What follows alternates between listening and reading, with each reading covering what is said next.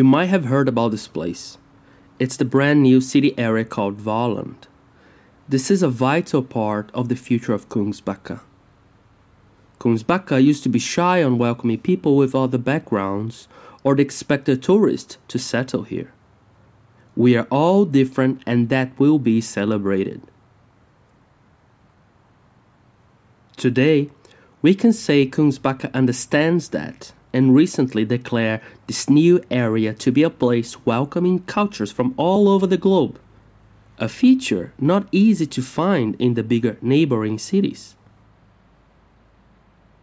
An experiment on class and also on how to possibly erase segregation from the map was proposed and agreed to take place here. A very heterogeneous group of people were invited to take part on the newly voted universal and more than basic income for city workers or city makers, as they call them. I call them community builders. Several think tank groups will be formed with locals to envision propositions for inclusive and representative, participative citizenship, including denizens too. Furthermore, the Valand Path will welcome a vast range of temporary public art events organized and commissioned by the neighboring association. All this to start taking place next year and fully financed and supported by the city and the people responsible for this construction site. Just imagine, and this is not all, the events will be spread all over the city. I will share with you another one that's in the making.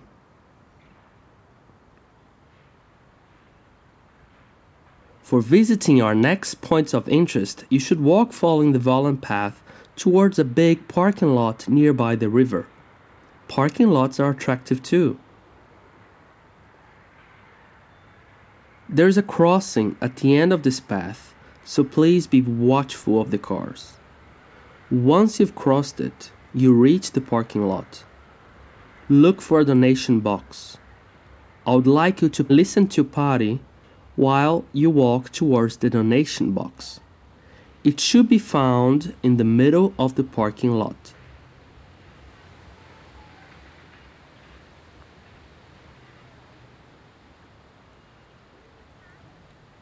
When I was at the peak of my desperation to come to Kungsbacka on August 30, 2021, the day when the COVID travel restriction was supposed to be removed instead got extended during the same time, the world witnessed USA's chaotic evacuation process at the Kabul airport in Afghanistan. More than 120,000 people were evacuated, and many, many, many more just remained there, silently accepting their fate, trying to cope and live with their darkest imagination of their futures. Many died in the process of this evacuation. We saw how desperate people climbing and hanging onto the wheels of the airplane and falling from the sky. The full circle was made. Men falling from Twin Towers in New York to men falling from the airplane in the sky of Kabul. At one point, Kabul airport was full of abandoned shoes and sounds of crying children. These devastating images and people's desperation to save themselves somehow released me from my own desperation. Why do we want to travel?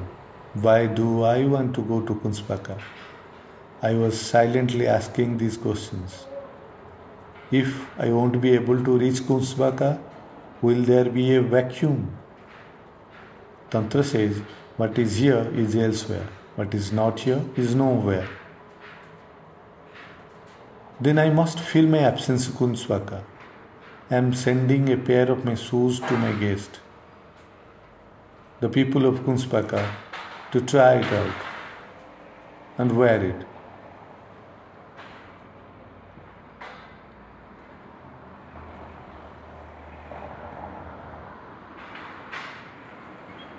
Have you made it to the donation box yet?